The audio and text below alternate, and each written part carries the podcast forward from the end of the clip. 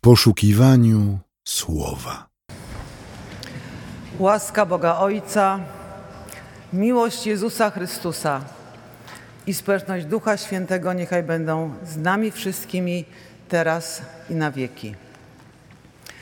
A słowo Pisma Świętego, które ma nas w tym wyjątkowym dniu prowadzić, zapisane jest w Ewangelii Świętego Mateusza w rozdziale 20 od 24 do 28 wiersza.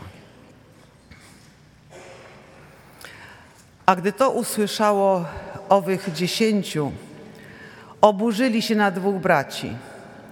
Ale Jezus, przywoławszy ich, rzekł: Wiecie, iż książęta narodów nadużywają swej władzy nad nimi, a ich możni rządzą nimi samowolnie. Nie tak ma być między wami, ale ktokolwiek by chciał między wami być wielki, niech będzie sługą waszym. A ktokolwiek by chciał być między wami pierwszy, niech będzie sługą waszym. Podobnie jak Syn Człowieczy nie przyszedł, aby mu służono, lecz aby służył i oddał życie swoje na okup za wielu. Tyle słów Pisma Świętego. A Ciebie, miłosierny Boże nasz i Panie, prosimy, byś raczył błogosławić zwiastowanie i słuchanie Słowa Twego, albowiem Słowo Twoje jest prawdą. Amen.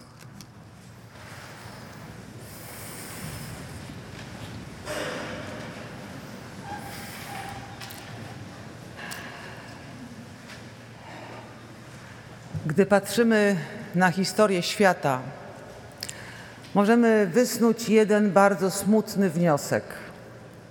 Od wieków naszym światem rządzi przemoc, chęć dominacji, panowania nad innymi. Walczymy o swoją pozycję w pracy, w domu, w kręgach towarzyskich. Chcemy być kimś. Dramatycznym efektem rządzy władzy jest wojna za naszą wschodnią granicą. Tak jak efektem rządzy władzy była i będzie każda wojna na świecie. Samo słowo wojna przeraża, jak przeraża nas wojna na Ukrainie i władza, która doprowadza do śmierci niewinnych dzieci, kobiet, mężczyzn. Zło ma władzę nad światem i nad nami, jeśli ulegniemy pokusie i pomieszamy porządki w tym świecie. W takim świecie żyjemy. Taki świat znamy. I niestety taki właśnie często świat budujemy. Mieć, władać, panować nad innymi, być ważniejszym niż inni. Od takiego myślenia nie byli wolni nawet uczniowie Jezusa Chrystusa. W wierszach poprzedzających nasz tekst czytamy o tym, że matka synów Zebedeusza prosi Jezusa, aby jej synowie mogli zasiąść po jego lewicy i prawicy w Królestwie Bożym. Nawiasem mówiąc, to ciekawa rzecz, ale w Ewangelii Marka to oni sami proszą Jezusa e, o tą wyjątkową, ten wyjątkowe miejsce. Bardzo możliwe, że ewangelista Mateusz, pisząc swoją Ewangelię 40 lat po Marku, kiedy nad uczniami Chrystusowymi już się unosił nimb świętości, nie chciał pokazywać ich jako ludzi o niezdrowych ambicjach.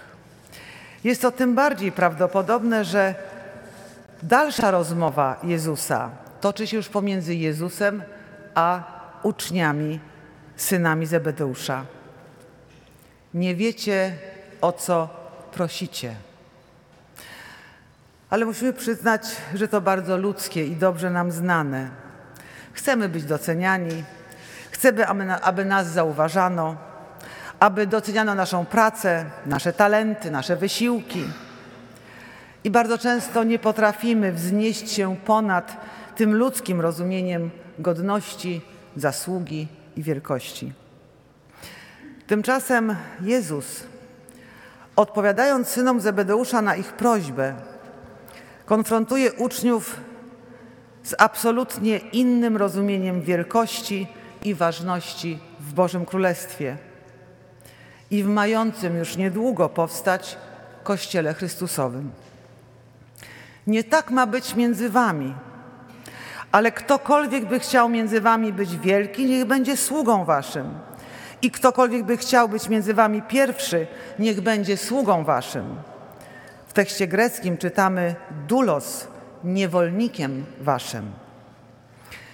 Jezus tak naprawdę dokonuje kolejnej rewolucji w myśleniu uczniów. Oni doskonale znają słowo służba, czyli diakonia. To słowo znaczy tyle, co usługiwać przy stole, podawać do stołu.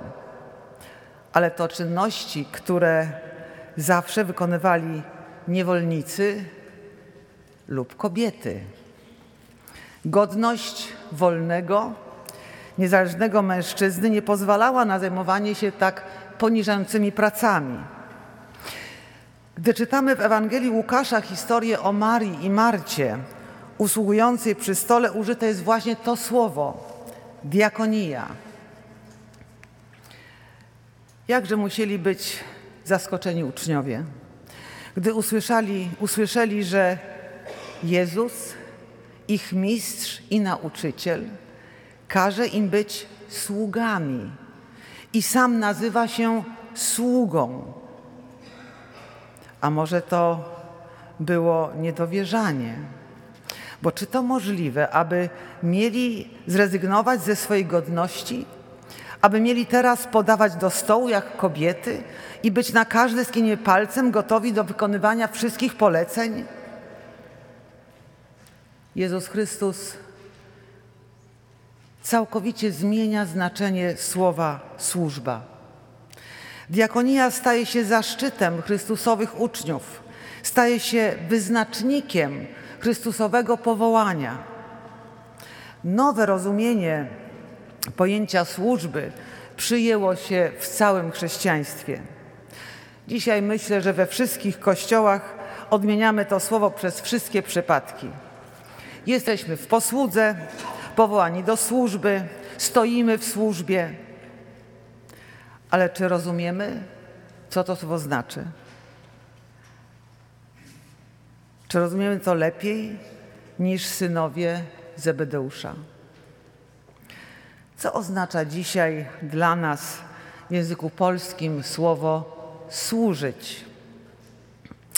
Ja wiem, że poloniści natychmiast zaczną protestować, ale pozwólcie zabawić się troszkę tym słowem. Bo jeżeli podzielimy go na sylaby, usłyszymy słu, żyć. A może słuchać Boga i żyć? Albo słuchać innych i żyć? A może wreszcie żyć słuchając Boga?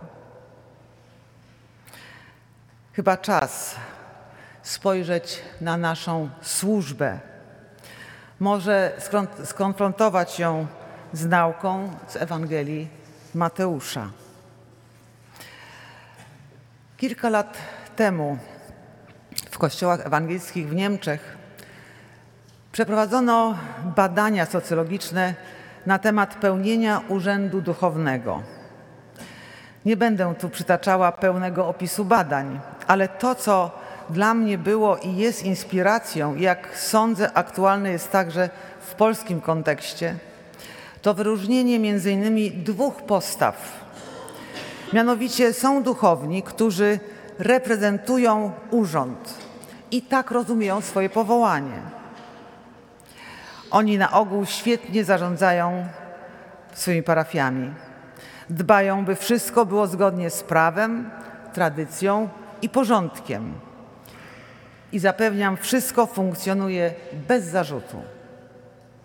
Drugą postawą, czy też rozumieniem pełnienia urzędu duchownego jest służenie w urzędzie.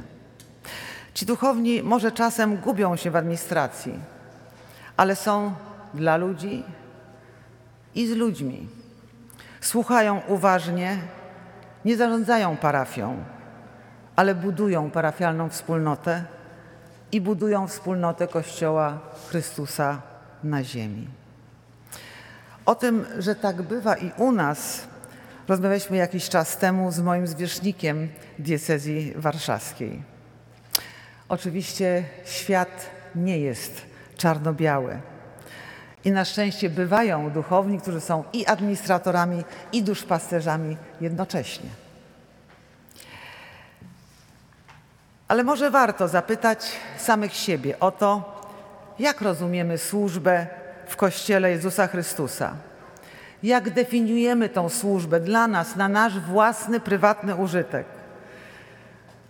Zanim podjęłyśmy decyzję, że chcemy być księżmi, prezbiterami, byłyśmy diakonami, służebnicami. Czy teraz przestajemy nimi być? Czy księża, niezależnie od pozycji i urzędu, nie są zobowiązani Chrystusowym Słowem do diakonii? Podobnie Syn Człowieczy nie przyszedł na świat, aby mu służono, lecz aby służył i oddał życie swoje na okup za wielu. Nasze radosne, ciągle wielkanocne zwiastowanie o Chrystusie zmartwychwstałym, nasze zwiastowanie o krzyżu, który uwalnia nas od kary za grzechy, tak naprawdę zrodzone jest ze służby Bożego Syna. Do tej służby powołuje nas dzisiaj, do wsłuchiwania się w Boże Słowo, ale także potrzeby ludzi, których spotykamy na naszej drodze. Zostałyśmy powołane do zwiastowania miłości Boga słowem i czynem. A świat ciągle rządzi się prawem pięści, ale nie tak ma być między nami. Między uczniami i uczennicami Chrystusa ma rządzić prawo miłości, wzajemnego usługiwania i wzajemnego szacunku. Dzisiaj, jako Kościół, czynimy kolejny krok na tej drodze. Chcemy mówić o miłości i składać jej świadectwo. Chcemy mówić o równości wszystkich i pokazujemy, że jest to możliwe. Chcemy uczyć wzajemnego szacunku i pokazujemy, jak to robić. Pozwólcie, że na koniec przywołam postać Ireny Hańce z domu Goler. Ukończyła studia teologiczne na Warszawskim Uniwersytecie w roku 1937. Ksiądz biskup Juliusz Bursze wprowadził ją do służby kościelnej. Nie było jeszcze mowy o ordynacji dla kobiet. A było to w roku 1938. Skierował ją do pracy wśród dzieci i niewiast w parafii Świętej Trójcy w Warszawie. To tu, gdzie dzisiaj się znajdujemy. Po zakończeniu II wojny światowej w obliczu braku duchownych pani Irena została wysłana na Mazury. Zamieszkała w nieogrzewanym pokoju w Biesalu. Pod jej opieką duszpasterską były parafie w Mańkach i Łęgutach. Jeździła z gospodarzami furmanką, gromadziła mazurską ludność, sprowadzała pomoc ze Szwecji. Komunie odbywały się bardzo rzadko, ponieważ ówczesny zwierzchnik diecezji nie chciał współpracować z kobietą. Tak więc komunia była tylko wtedy, gdy z darami z zamorza przyjeżdżali szwedzcy duchowni. Swoją togę przewiązywała w pasie białym sznurem, aby było widać, że nie jest księdzem. Pod koniec lat 90. XX wieku stypendystka z Niemiec Ania zbierała materiały na temat polskich teolożek, w tym także pani Ireny. I dotarła do Łęgut i pytała bardzo sędziwą Mazurkę, czy pamięta panią Irenę. Oczywiście, odpowiedziała starsza pani. Potem opowiadała o nabożeństwach, o trudnych czasach, o białych tenisówkach dla dzieci, które przyszły ze Szwecji, dzięki czemu mogły pójść do konfirmacji. I opowiedziała też swoją własną historię. W czasie ucieczki przed sowieckim wojskiem zimą 1944-45 odmroziła sobie nogi. Rany nie chciały się goić. Nie mogła chodzić. Nie mówiąc o bólu przy każdym kroku czy przy ubieraniu się. Nie miała leków, nie mogła pojechać do miasta, do apteki, bo i tak nie miała za co ich kupić.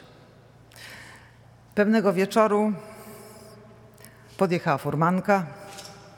Do domu weszła pani Irena. Przywiozła maść, czyste bandaże.